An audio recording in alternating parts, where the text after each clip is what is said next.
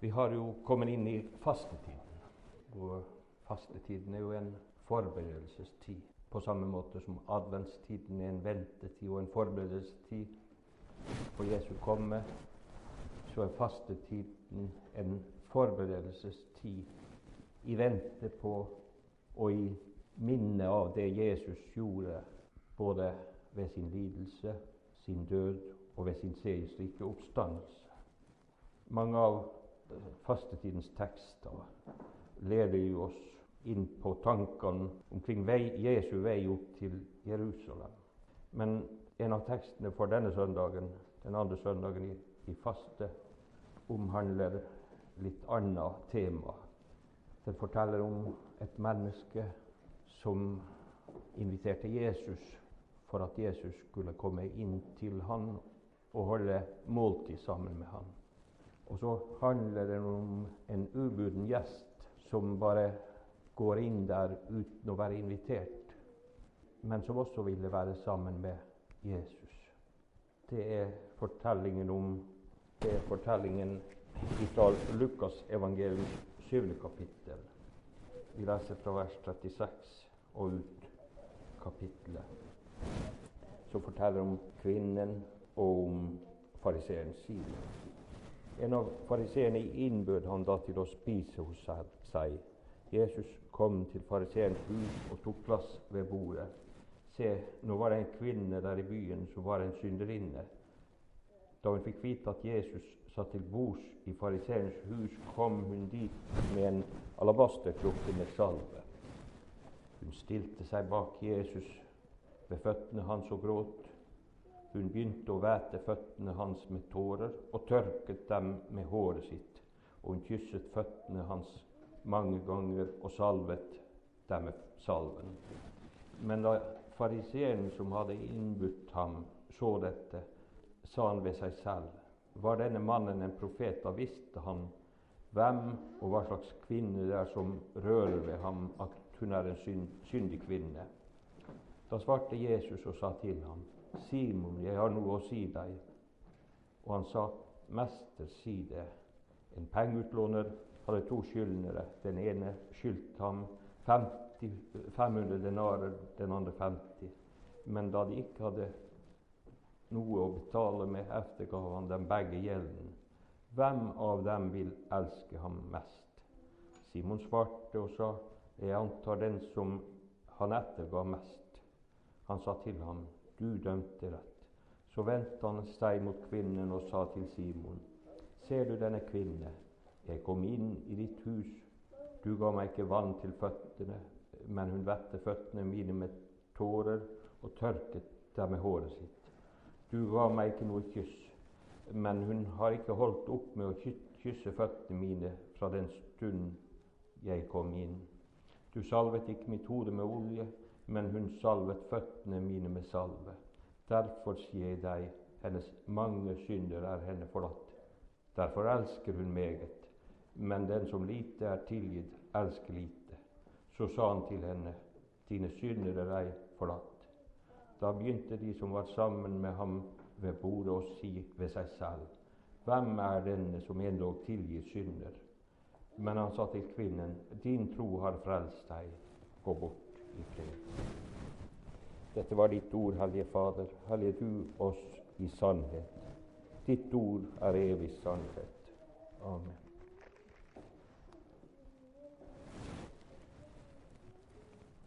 Jeg nevnte jo at det var to ulike personer som nå var sammen med Jesus. De to personene representerer, får vi si, to grupper mennesker. Den ene som selv mener at han var rettferdig, altså fariseeren, da. Som ikke så sin egen synd, som ikke så sine feil, egne feiler, men som bare så feila og synda i den stakkars kvinnen som hadde kommet inn.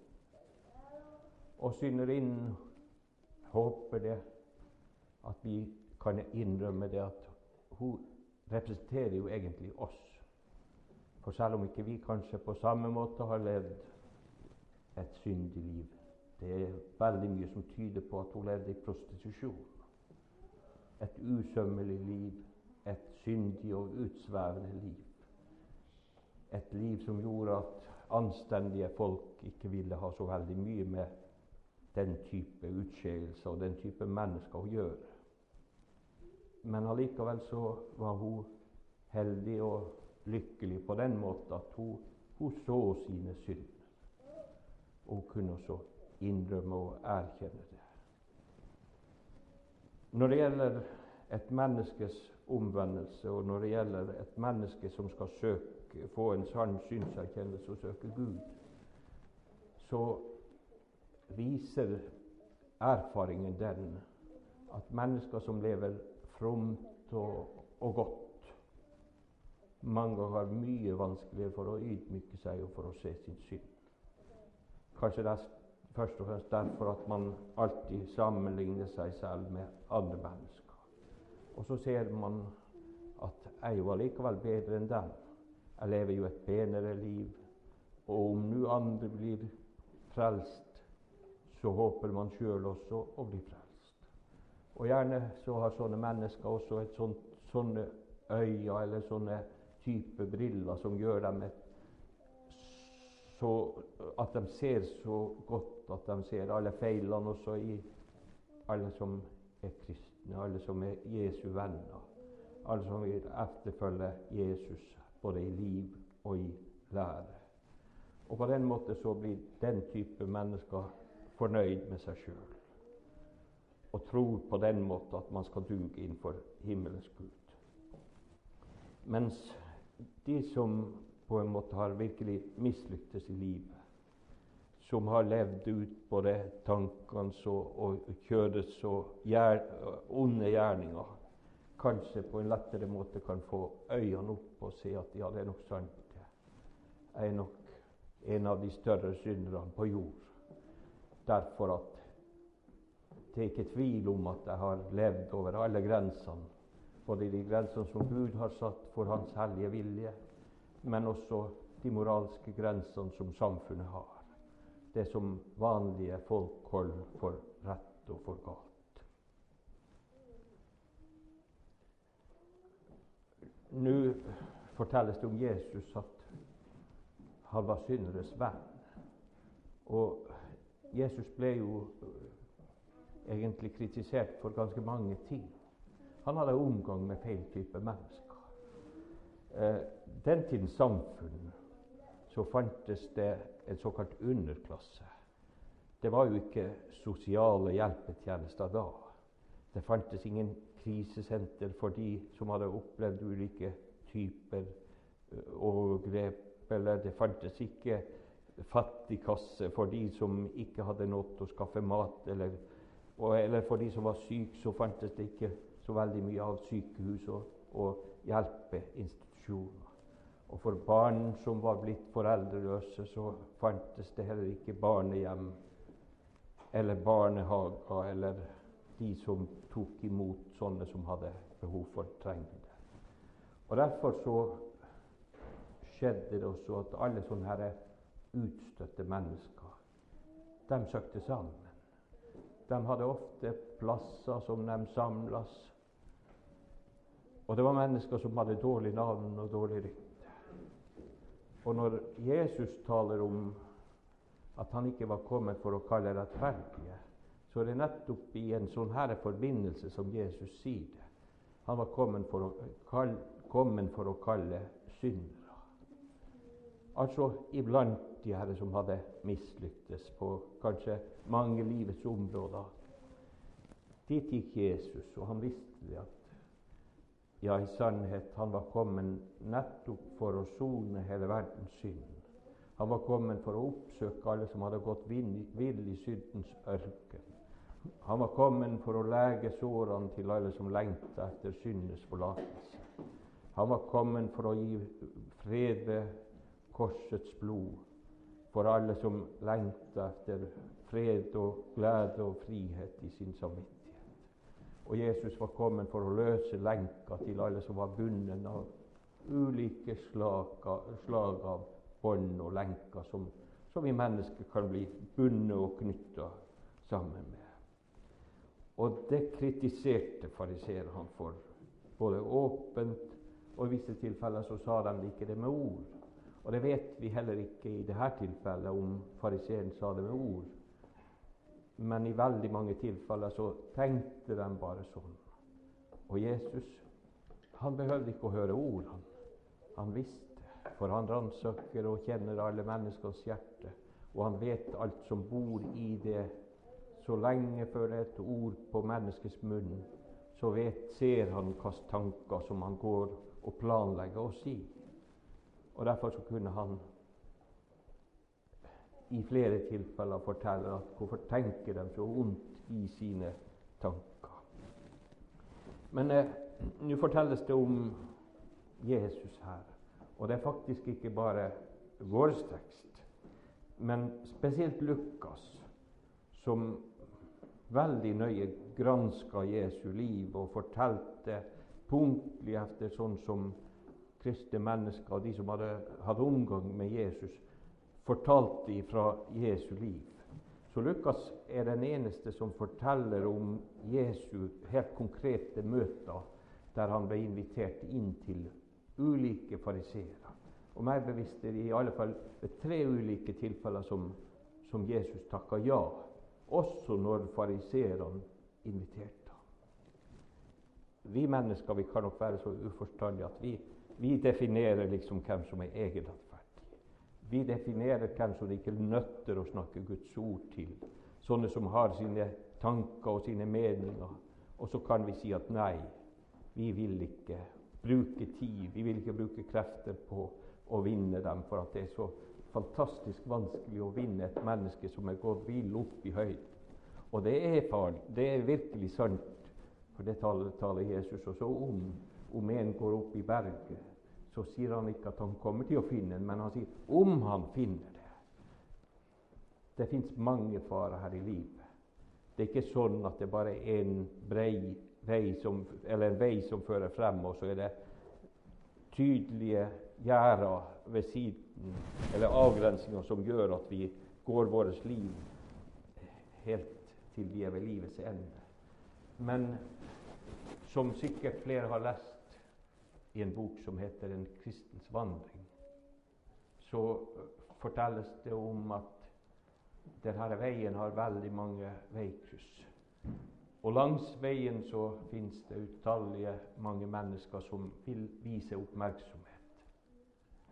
Som vil lokke det mennesket til seg for å påvirke det og kanskje lede det i sine spor, og kanskje bort ifra den vei som mennesket er på vei imot. Jeg tror ikke det er noe fremmed for en og hver av oss.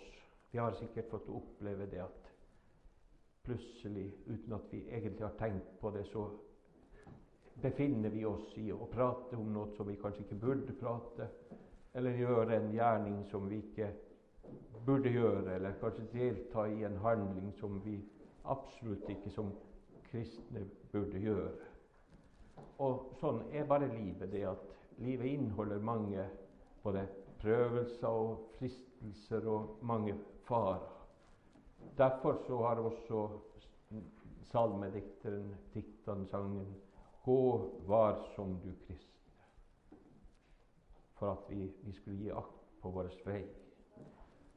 Og om man har et klart mål med livet, om man har en klar mening med det man gjør, om man har en klar linje som man følger i sitt liv, så er det veldig mye lettere å holde fokus og vite det at jeg har et mål, for nå skal jeg utføre en gjerning eller en handling i livet.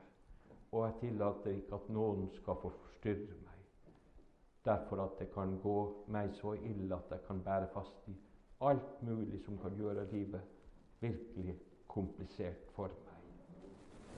Men Jesus han elsker også egenrettferdige, og han elsker fariseere.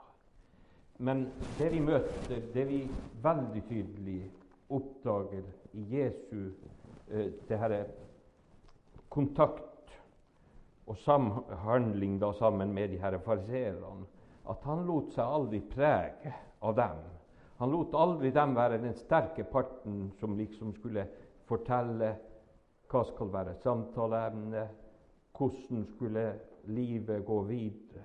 Men Jesus han, han visste det at fariseere og skriftlærde og de som også han kaller for, eller de som kalles da for egenrettferdige, som stoler på seg sjøl, det har alltid, alltid vært Jesus' desidert største fiender. De som alltid har, alltid har stått han etter livet. De som alltid har vært ute etter for å gripe han fatt. Og Derfor så kosta det ingenting for Jesus å avsløre både hykleri og falskhet og uh, urett gudsdyrkelse. Jeg tenker Vi kristne vi kan mange ganger være så forsiktige. Vi vil ikke, selv om vi ser at en venn av oss har gått feil, og lærer feil også, så våger vi liksom ikke å si hva Guds ord er. Men Jesus var ikke sånn. Og jeg tror at vi får lov å lære oss av Jesus. Ikke sånn at vi skal innbille oss at vi har de øyne som han har, eller de ørene som han har, eller at vi kan gjøre de rette beslutningene som han gjorde. Men når vi er overbevist ut ifra Guds ord, overbevist i vårt hjerte om hva som er rett og galt, så har vi lov å si, og så har vi en plikt til å si hva i alle fall jeg holder for rett kristendom, hva jeg holder for rett levende også.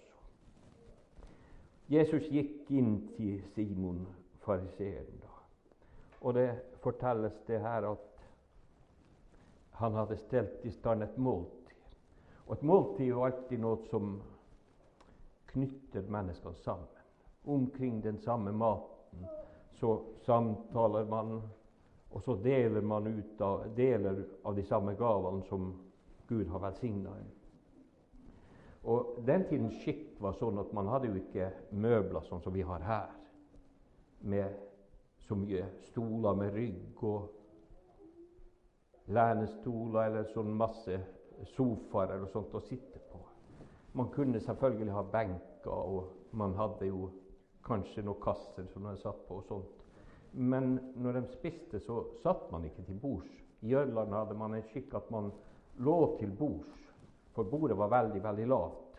Og så hadde man fotene bort fra bordet, og så støtta man seg med venstre albuen da imot det bordet, og så spiste man. og Sånn var det også i dette tilfellet, der Jesus var invitert til, til bostad i fariseerens hus.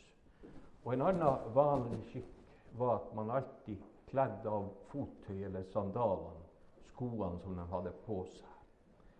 Og nå når Jesus sitter der eller ligger der til bords, og de hadde helt sikkert begynt å, å nyte av den maten som var lagt frem, Jeg tror nok helt sikkert at Jesus han også der velsigna maten.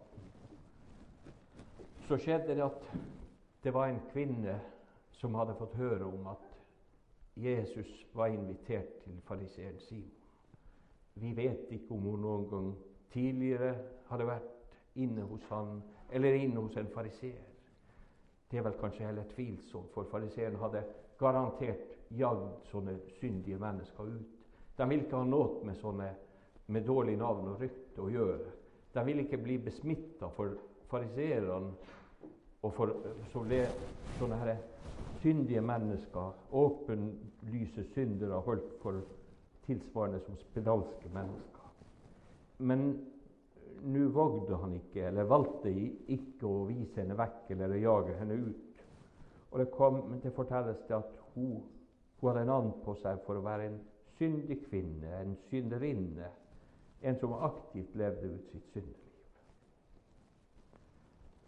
Hvis vi går til Matteusevangeliet eller andre evangelium der Jesu ettertavle står skrevet, så fins det faktisk en tre-fire sånne tilsvarende kvinner som nære syndige kvinner, som levde i både, hadde levd både i hor og i prostitusjon.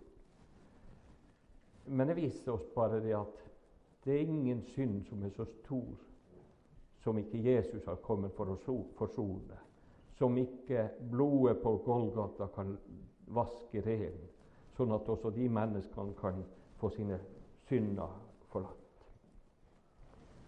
Og Kvinnen hadde en inderlig lengsel, et håp. Hun må bare få møte Jesus. Det får ikke være noe som kan hindre henne. Og Man kan forstå av tekstens sammenheng at hun hadde kanskje planlagt dette møtet. For hun hadde skaffa seg en alabasterkrukke, en krukke av en myk leire som gjorde at denne salven som hun hadde inni der, skulle holdes myk og, og, og fersk og fin kvalitet på. Og så kommer hun inn, hun den krukka i handa, og så treffer hun Jesus der, som da nå var ved bostad i der ved Simon fariseerens hus. Og Det skulle vært forunderlig å være og se på det. Ingen sa egentlig noe. Hun kommer inn, hun bare helt stille går bak Jesus, Jesus stiller seg ved hans føtter, og plutselig så klarte hun bare ikke å holde seg mer. Nå måtte hun tømme sitt hjerte. Hun sa ikke et ord, men hun gråt, så åpna hun alle, alle, allikevel sitt hjerte for Jesus. Hun åpna sitt hjerte, og Jesus forsto at det var ulike synder som trykka henne. Gjerninger som hun hadde gjort men kjære kristne venner, la oss alltid vite det at gjerningssyndene er de minste syndene i forhold til syndefordervet som vi mennesker tvers igjennom er besmitta. Selv om vi har blitt kristne, selv om vi har forlatt ugudelig liv, selv om vi har blitt velsigna og kommet inn i Guds rike, om vi har fått Guds ånd om vi har vitnesbyrd i vårt hjerte at vi hører Gud til, at vi er himmelen verdig, så bærer vi allikevel på syndefordervet. Det fins ikke en mulighet. Det er liksom planter som er vokst fast i hverandre. Synden, den bor i meg, skriver Paulus i Romerbrevet. Og han hadde virkelig fått erfare det. Han gjorde alt han kunne for å levne det her gamle syndelivet bak seg. Han strevde etter å glemme det som er bak, og strekke seg etter det som er foran. Og han visste at han har vært den største av alle synder her på jord. Men det trykka han allikevel ikke så mye. For det som gleda han, var at han hadde fått sine mange, alle sine store synder forlatt. Og når hun står der, så begynner hun der å gråte. Hennes tårer triller ned av hennes, hennes kinn. Teksten vår er egentlig et bilde, et veldig godt bilde på hvordan Jesus møtte syndige mennesker. Gud hjelpe oss og oss at vi skulle være Jesu forlengede arm. At vi skulle være Jesu munn at vi skulle ha Jesu hjertelag, at vi skulle ha den samme omsorg og kunne gi den samme sjelesorg eller sjeleomsorg som Jesus gjorde. Om hun hadde frykta Jesus, så hadde hun aldri våget å komme inn dit. Men hun vågde liksom å la alle fasadene falle. Hun vågde å være ærlig når hun begynte å gråte der, når hun faller ned for Ganske sikkert så måtte hun falle ned på sine knær, eller så kunne hun ikke begynne å fukte Jesu føtter eller å tørke hans føtter med sitt hodehår og salve den med olje. Men hun faller ned for Jesus i tilbedelse og i takknemlighet. Vi vet ikke om Jesus hadde møtt denne kvinnen før, men det tror man kanskje ikke. Fariseeren visste helt sikkert hvem hun var. Han visste i alle fall at hun var en synderinne, at hun hadde et veldig dårlig navn og rykte. Men han tenkte så, sånn at helt sikkert Jesus var jo ikke fra eller Selv om han nå hadde både bodd og vokst opp i eller i Kapernaum var et kjent sted for ham, så tenkte han kanskje at alle som bodde der, alle som levde på byens gater og alle plasser der usømmelig liv ble utøvd, ikke var kjent for Jesus. Men Jesus han kunne se, og han visste det, hvem hun var, hva type menneske hun var, og han visste det at hun hadde inderlig lengsel etter at hun skulle få sine synder forlatt. Hun væter Jesu føtter med tårer. Hun tørker dem med sitt hår. Hun kysser Jesu føtter mange ganger, og så står det skrevet at hun, hun salva dem med den salven som hun hadde med seg. Og vi forstår det av tekstens sammenheng at det var en verdifull salve. Men nå ser fariseeren hva som skjer. Han hadde jo innbudt Jesus. Det var jo han som var husvert. Og så begynner han å si ved seg sjøl. Og som han nevnte, det er ikke sikkert engang at han sa det ved ord. Kanskje han bare sa det inni seg. Men så begynner han å tenke at var denne mannen en profet?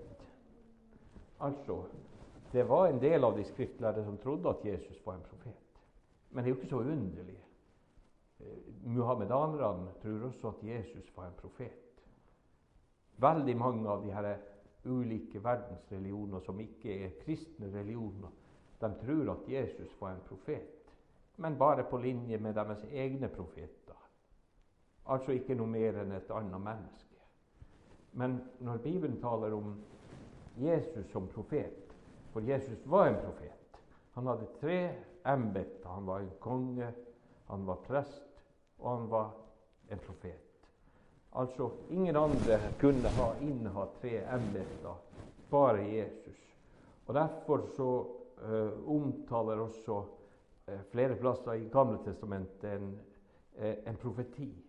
Annet i 5.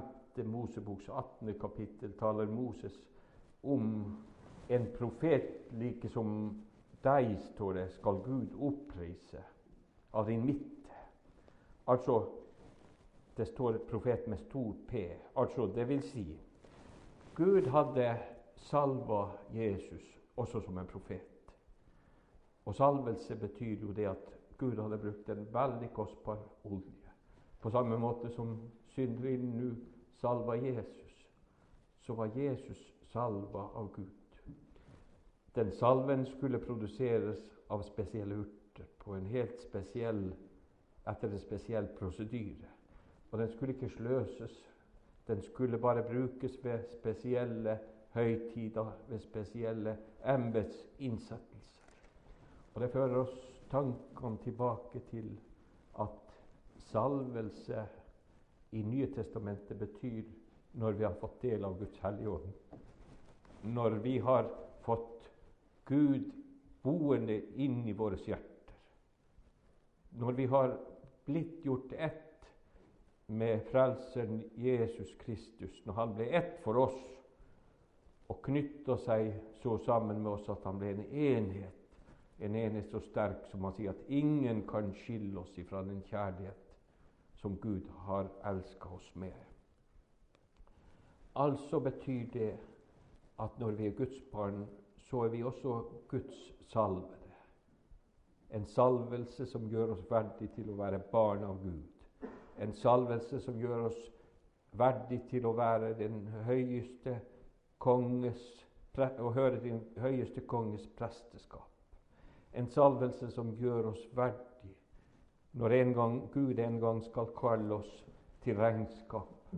En salvelse som er tilsvarende som ringen, gifteringen er et symbol på at vi hører Frelseren Jesus til, og han hører oss til. Og når Gud på den siste dag skal føre oss til regnskap, så vil han også se har vi trolovelsespanten i behold. Har vi Den hellige ånd? Og den som ikke har Guds ånd, han hører ikke heller Herren til. Og Fariseeren han begynte her å irritere seg. Nå tror jeg ikke lenger at han er en profet. For profeter kan jo ikke ha omgang med vanlige, syndige mennesker. Profetene kan jo ikke gå rundt og få navn på seg for å være tollere og synderes venn. Venn av de forakta, venn av de utstøtte. Paulus skriver i Korinterbrevet om hvem som er kalt. Han taler om de av høy byrde eller høy slekt. Det fantes noen av dem, men han sier legg merke til ikke mange av dem. Men det som er forakta av denne verden, det er de som Gud har utvalgt for å gjøre de vise til skamme. Og det er jo utvelgelsens store under som Gud gjør. Og Derfor tenker jeg at vi også sammen med den syndige kvinne får glede oss.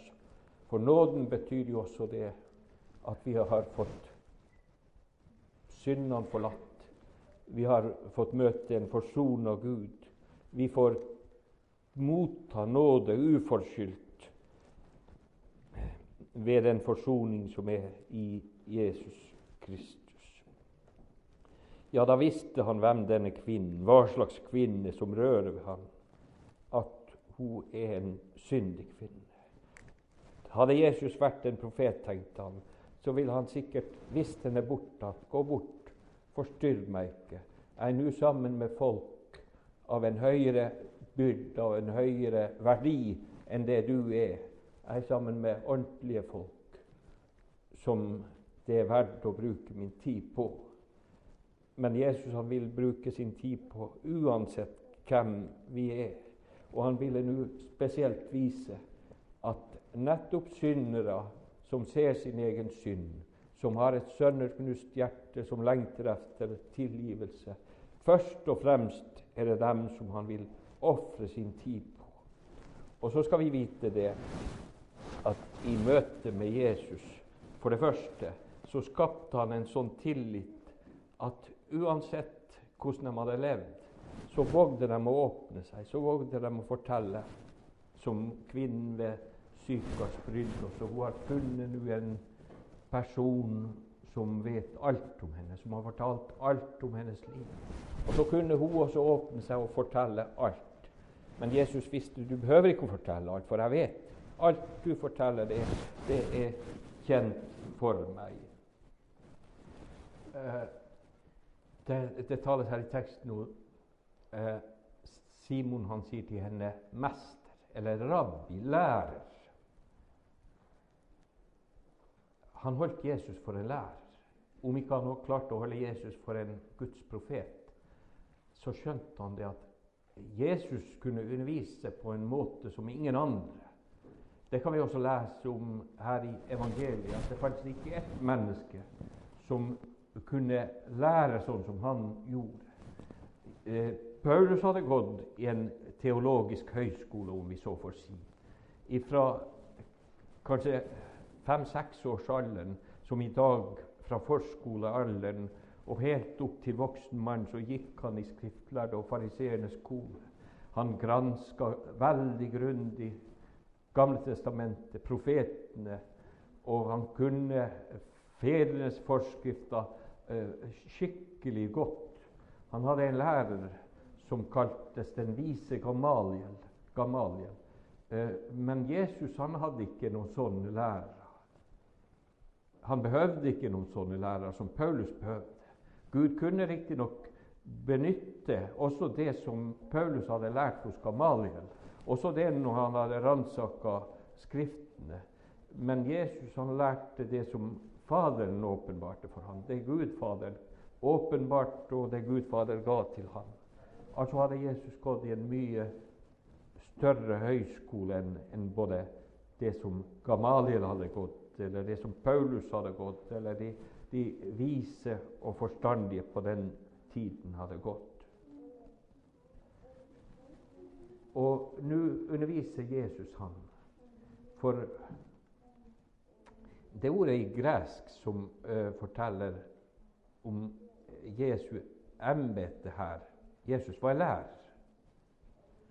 Og uh, didakte i dag brukes uh, i for oss som har gått på lærerskole og sånt, det benyttes ordet didaktikk. Og det kommer av det samme greske ordet. Og når vi ser på hvordan Jesus var dyktig til å undervise Lestadius var også en sånn som kunne bruke veldig mye bilder. Enkelt bildespråk som folk på den tiden forsto. Sånn var også Jesus. Han talte til bonda om himmelriket, om å så såkornet. Han visste om hvordan sæden av seg sjøl spirer og gror. Når Gud gir regn, og når Gud lar sola skinne, så spirer det og vokser det. Sånn at Jesus han, han benytta den type bilder som gjorde at tilhørerne som han var sammen med, de forsto han. Eller når Jesus var sammen med fiskere. Så går han ned til stranda. Så setter han seg ned i en båt. Og så bruker han båtspråket om både bølgene og om uværet, om stormene, om det å kjempe på havet imot alle farer der, om å kaste garn, om hvor fisken var, og alt sånt. Altså, Veldig tydelig språk brukte Jesus. Og når Jesus talte til fariseerne og skriftlærerne, som jeg sa, så brukte han veldig tydelig språk, sånn at alle forstår veldig enkelt og tydelig hva han sa. Det var ikke noe dunkel tale. Selv om Jesus visste ved visse anledninger gjorde det. Helt bevisst så brukte han sånne kompliserte lignelser for at ting som ikke skulle være åpenbart da, dem vil han skjule på en måte. Og Sånn er det også med profeti. Det er jo også sånn, et budskap som Gud gir, som kanskje ikke blir klar for mange hundre år etter. Sånn som når Esaias profeterte, eller mange andre av Guds profeter. Så inneholder Gud et sånt Guds ord et sånn kan vi si, aktualitet at det taler til tida, til de menneskene som er der. Det taler til hjertet. Gud kan bruke sin Hellige Ånd for å la avsløre at det fins ikke noe gjemmested, det fins ikke et mørkt sted. Det fins ingen klippe som om så et svært fjell faller over et menneske, så kan trenge mennesket å innbille seg at det kan skjule seg for Gud. Altså, Gud vil ta mennesket fatt. Han vil kom, tale til mennesket. Kom, la oss gå i rette med hverandre. Gud vil gjøre alvor så vi skal skjønne at det ikke er lek. Vi står innenfor en levende Gud. Men samtidig vil Gud gjennom evangeliet forkynne at om deres synder er blodrøde, så vil Han gjøre dem hvitere enn den hvite, hviteste ull. Om de er skarlagenfarga, så vil Han gjøre dem hvitere enn den hviteste sne. Nå benytter Jesus et, en veldig praktisk og enkelt bilde da, for fariseeren. Han var ikke stygg med ham. Han latterliggjorde ikke han heller. Men han forteller bare at 'Jeg har en fortelling'. Nå skal du lytte, du Simon fariseer. Ja, sier Simon. Ja, si. Mester, si det. En pengeutlåner hadde to skyldnere. Den ene skyldte han 500 denarer, og den andre 50. En denar var en dagslønn. Altså det vil si den som skyldte 50 denarier, det er 50 dagers lønn. Eller omregna rimelig god lønn, kanskje nettolønn også kunne bety 50 000 bare som den som hadde minst skyld. Mens den som hadde mest skyld, hadde 500 eller tilsvarende 1 12 års lønn. Eller som vi vet i våre penger, så blir det kanskje flere hundre tusen. Og vi vet det sjøl at om vi ikke har til det som vi behøver å skaffe, så blir vi veldig, i mange tilfeller glad når man ser at man får endene å møte. Og særlig de som er totalt uten, så er de fantastisk glad om de får den lille hjelpa som de kanskje så sårt behøver. Så stiller Jesus spørsmålene her i fariseerne. Nå, de to. Ene var skyldig ti ganger så mye som den andre. Hvem tror du som var mest glad for det? Og, og han var jo ikke dummere fariseen at han, han forsto jo det regnestykket. Og Jesu undervisning var så enkel at det gikk rett inn til ham. Han sier, 'Hvem av dem vil elske han mest?' spør Jesus, fordi han etterga dem begge gjeld. Så svarer Simon til han, 'Jeg antar' Altså kanskje han var ikke helt, helt sikker på det. Jeg antar den som ettergår mest. Og det var jo rett, for Jesus sier til han, 'Du dømte rett'. Da var Jesus ferdig med den første delen av undervisningen. Nå satt det liksom inne hos fariseeren Simon om de her to personene, og hvem som egentlig var mest glad.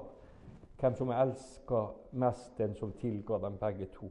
Altså han som hadde fått mest tilgitt. Og Jesus hadde i tankene Han ville nå vise for Simon og for kvinnen, og nå vil han vise også for oss, at også vi skulle ha øynene rett åpne til å først og fremst se vår egen synd.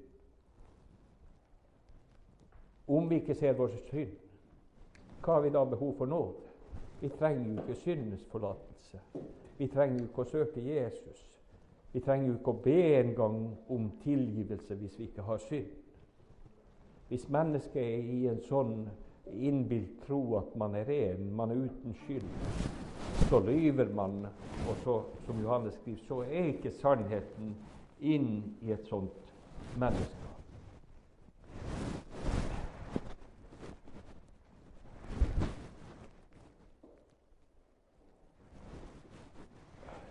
Kort bare.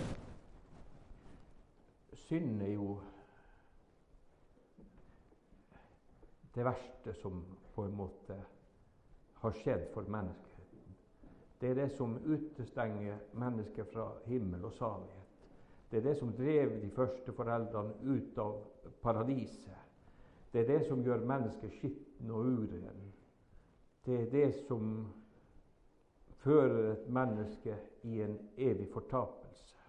Og som jeg sa, synd av to slag. Det ene er det som ses, altså det vi gjør med våre hender, med våre føtter. Det andre mennesker kan oppdage. Men synd er også noe mye mer, og det er det at vi er besmitta inni oss, og vi ikke på noen måte kan fri oss ifra det. Og det er det som bør skape sann synssanger innenfor Gud, så vi som Estra og Nehemias når vi stilles innenfor Gud, at vi da skulle slå vårt øye skamfullt ned derfor at vi vet at vår synd, den er stor. Den roper opp til himmelen. Den anklager og den fordømmer oss. Og når vi ser det Det er så sunt for et menneske å se det. For da først smaker nåden. Da først kan man glede seg over å være et Guds barn. Da først kan man liksom se kontraster. Hvor rik vi er som har en Gud som senker vår synd ved i havet, som tilgir dem med en evig forglemmelse som kaster dem bak sin rygg.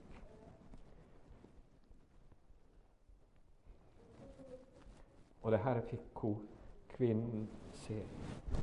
Hun elska Jesus, og Jesus elska henne. Og så begynner hun der, etter at hun hadde, tårene hadde falt på Jesu føtter. Så tørker hun føttene med sitt hår. Så salver hun føttene. Så opphører ikke hun med det. Og Jesus han vender seg til kvinnen, og så sier han videre til henne, til Simon, da Ser du denne kvinne? Jeg kom inn i ditt hus. Og på nytt igjen begynner Jesus på en veldig fin måte, uten å være stygg med kvinnen. Men så vil han liksom vise de her to sidene. Kvinnen og hennes gjerninger, og fariseeren og hans eh, lille kjærlighet mot Jesus. Jeg kom inn i ditt hus, du ga meg ikke vann til føttene. Det som var vanlig skikk. Det var helt vanlig skikk at de vaska gjestene sine føtter men han gjorde ikke engang den daglige eh, kjærlighetsgjerninga som omtrent alle som inviterte gjester, gjorde. Men hun vasker eller vetter Jesu føtter med tårer. Hun tørker dem med sitt hår. Du ga meg ikke noe kyss. Og Det var også den tidens skikk. Man hadde ga kanskje et kyss på hånden et kyss på, på kinnet for å vise det at de var velkommen. Men han inviterte ikke Jesus så varmt. Han hadde ikke Jesus så kjær. Men hun holdt ikke opp å kysse. Hun kyssa. Hun var så ydmyk at hun, hun bare kyssa hans føtter, helt ifra den stund som han kom inn. Du salva ikke mitt hode med olje. Og da taler han om hodet, det edleste. Men hun var så ydmyk at hun bare bøyer seg ned ved føttene. Og så salver hans føtter. Og så forteller Jesus en stor hemmelighet. Hvorfor elska hun Jesus så mye? Og hvorfor betydde ikke Jesus noe for fariseeren Simon? Han begynner å forkynne syndens forlatelse. Og vi forstår godt fariseeren. Eller gjør vi det? Hun bekjente jo ikke sin synd. Hun kom dit bundet. Hun kom dit uren, hun kom dit skitt som en synderinne, men så går hun rettferdiggjort hjem. For Jesus så til hjertet. Han så etter den lengsel som hun hadde etter syndenes forlatelse. Han så tårene som var et tydelig bevis at hun hadde en ekte og oppriktig anger og en lengsel etter å få lov å begynne et nytt liv.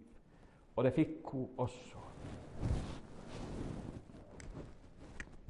Og Jesus han krevde ikke 'ja, si, fortell, bekjenn dine synder', så får jeg vurdere om jeg skal tilgi deg. Nei, sier Jesus det. Derfor sier jeg deg. Og det sier han til fariseeren Simon. Hennes mange synder er henne forlatt.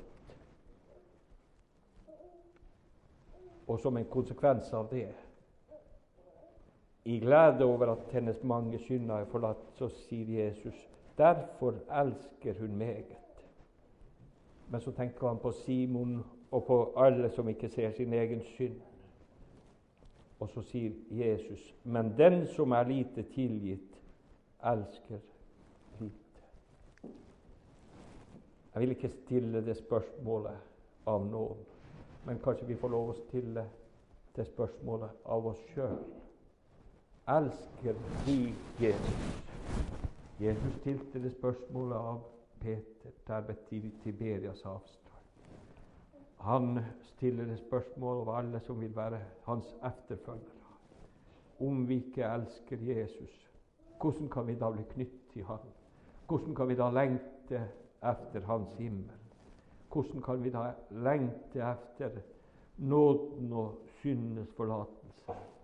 Men når vi elsker ham, så elsker vi ham derfor at han først har elsket oss, at han har gitt sitt liv til løsepenge også for oss. Og Derfor sa Jesus da til henne Og nå vender han seg på nytt, helt sånn anskuelighetsundervisning, på nytt igjen, veldig tydelig. Dine synder er deg forlatt. Altså, Jesus løste henne ifra hennes synd. Men før Jesus sa det, så var hennes synder innenfor Gud tilgitt. Og hemmeligheten den finner vi i siste vers. Det var hennes tro. For hun trodde på Jesus. Hun trodde selv om korsfestelsen og oppstandelsen enda ikke hadde vært, så hun trodde hun at han var profeten. Hun trodde at han var Guds Messias. Hun trodde at han var Guds salvede som var kommet for å åpne veien for henne. Fra døden til livet, fra Satans makt til, til Gud. Dine synder er deg forlatt. Og vi har sikkert alle fått oppleve Kanskje noen gang spesielt når man kommer fra verden, så kjentes det spesielt godt. Men om vi har en sann synserkjennelse, så tror jeg det alltid kjennes godt. Uansett. På samme måte som det kjennes også godt for en barndomskristen å tro sine synder forlatt. Jeg skriver til dere, mine barn, fordi deres synder er forlatt for hans eller for Jesu navns skyld. Det er evangeliets kraft som renser oss ren. Det er den vandringsstaven som vi må holde fast i. Så begynner han å knurre, og det var ikke første gang. Og det er heller ikke siste gang. Hvem er nå denne personen? En ting er at han ikke er noe profet, det skjønte de. Men at han kan komme fra Gud, det kan han jo umulig gjøre, siden han vil ha med sånne her urene syndere å gjøre. Men at han til og med er så frekk og frimodig at han våger å gå i Guds sted. At han våger å tilgi synd. Et annet tilfelle i Matteus 9 så står det Hvem kan tilgi synder utenom Gud? Sånn tenkte de, og sånn tenker man. Men etter Bibelen og Guds ord så har faktisk Gud, som vi leser om i Matteus 17 og andre plasser også, Johannes 20, gitt en sånn makt, også her på jorden, at vi behøver ikke å være bundet og knytta til våre synder. Vi behøver ikke i, leve i uvissheten. Er våre synder forlatt, eller er de ikke forlatt? Får vi ha fred med Gud, eller får vi ikke ha fred? Derfor at himmelen har senka seg så lavt at den er midt iblant oss. Og Derfor får vi si som Luther sier, at det er så nåderikt år, det er et gyllen år, når en bror får si til en bror Vær frimodig, dine syndere er deg forlatt. Men Jesus han brydde seg ikke om det. Det betydde ikke noe. La dem bare anklage. La dem bare tro at ikke han kunne tilgi. Men synden var henne forlatt, og han ville ikke som si til henne Bry deg ikke om det. Vær frimodig. Dine synder er deg forlatt. Din tro som Gud har skjenkt deg, troen på frelsen Jesus, det er den som har frelst deg. Derfor du behøver ikke å gå bort herfra med bundet i dine synder. Du er løst, ikke bare i forhold til dine synder som har vært, men du er løst også i forhold til de syndene som vil fange deg på nytt igjen. Kanskje hordoms og alle mulige slags synder som venta henne. Kanskje hun hadde kunder som, er, som prostituert, som ville lokke henne til å fortsette å leve sitt syndeliv. Men nå hadde Jesus løst henne også ifra at ikke hun behøvde i fremtiden å være syndens slave, men hun var fri. Nå fikk hun, hun som tidligere hadde ofra lem, sine lemmer i syndens tjeneste, nå fikk hun bruke dem i Guds tjeneste til helliggjørelse, i lydighet til Guds kall og til velsignelse for Kristus. Og Så tror vi det at hun hun fikk tjene de kristne, hun fikk eh, være til velsignelse. Og etter livet, helt sikkert, som Jesus sa. Hennes tro frelste henne ikke bare i tid, men i evighet. Så vi tror at hun, hun er hjemme hos Gud, og at hun hviler i fred. Himmelske Far, vi takker deg for at vi har fått være sammen omkring ditt hellige Takk for din ufattelig store kjærlighet, ikke bare imot verden, men mot meg og mot oss alle. Åpenbar du alltid deg sjøl for oss. Vi ber, oss, ber, deg, vis oss også vår synd, så nåden skulle smake, og led oss alltid til renselseskilden. Takk, himmelske Fader, for at vi får leve under din beskyttelse. Vi ber om at du må bevare oss inntil det evige liv. Så overlater vi hverandre i din gode varetekt. Herre, velsigne oss og bevare oss. Herre, la sitt ansikt lyse over oss og være oss nådig. Herre, løfte sitt åsyn på oss og gi oss sin fred i Faderens, i Sønnens og i Den hellige ånds navn. Amen.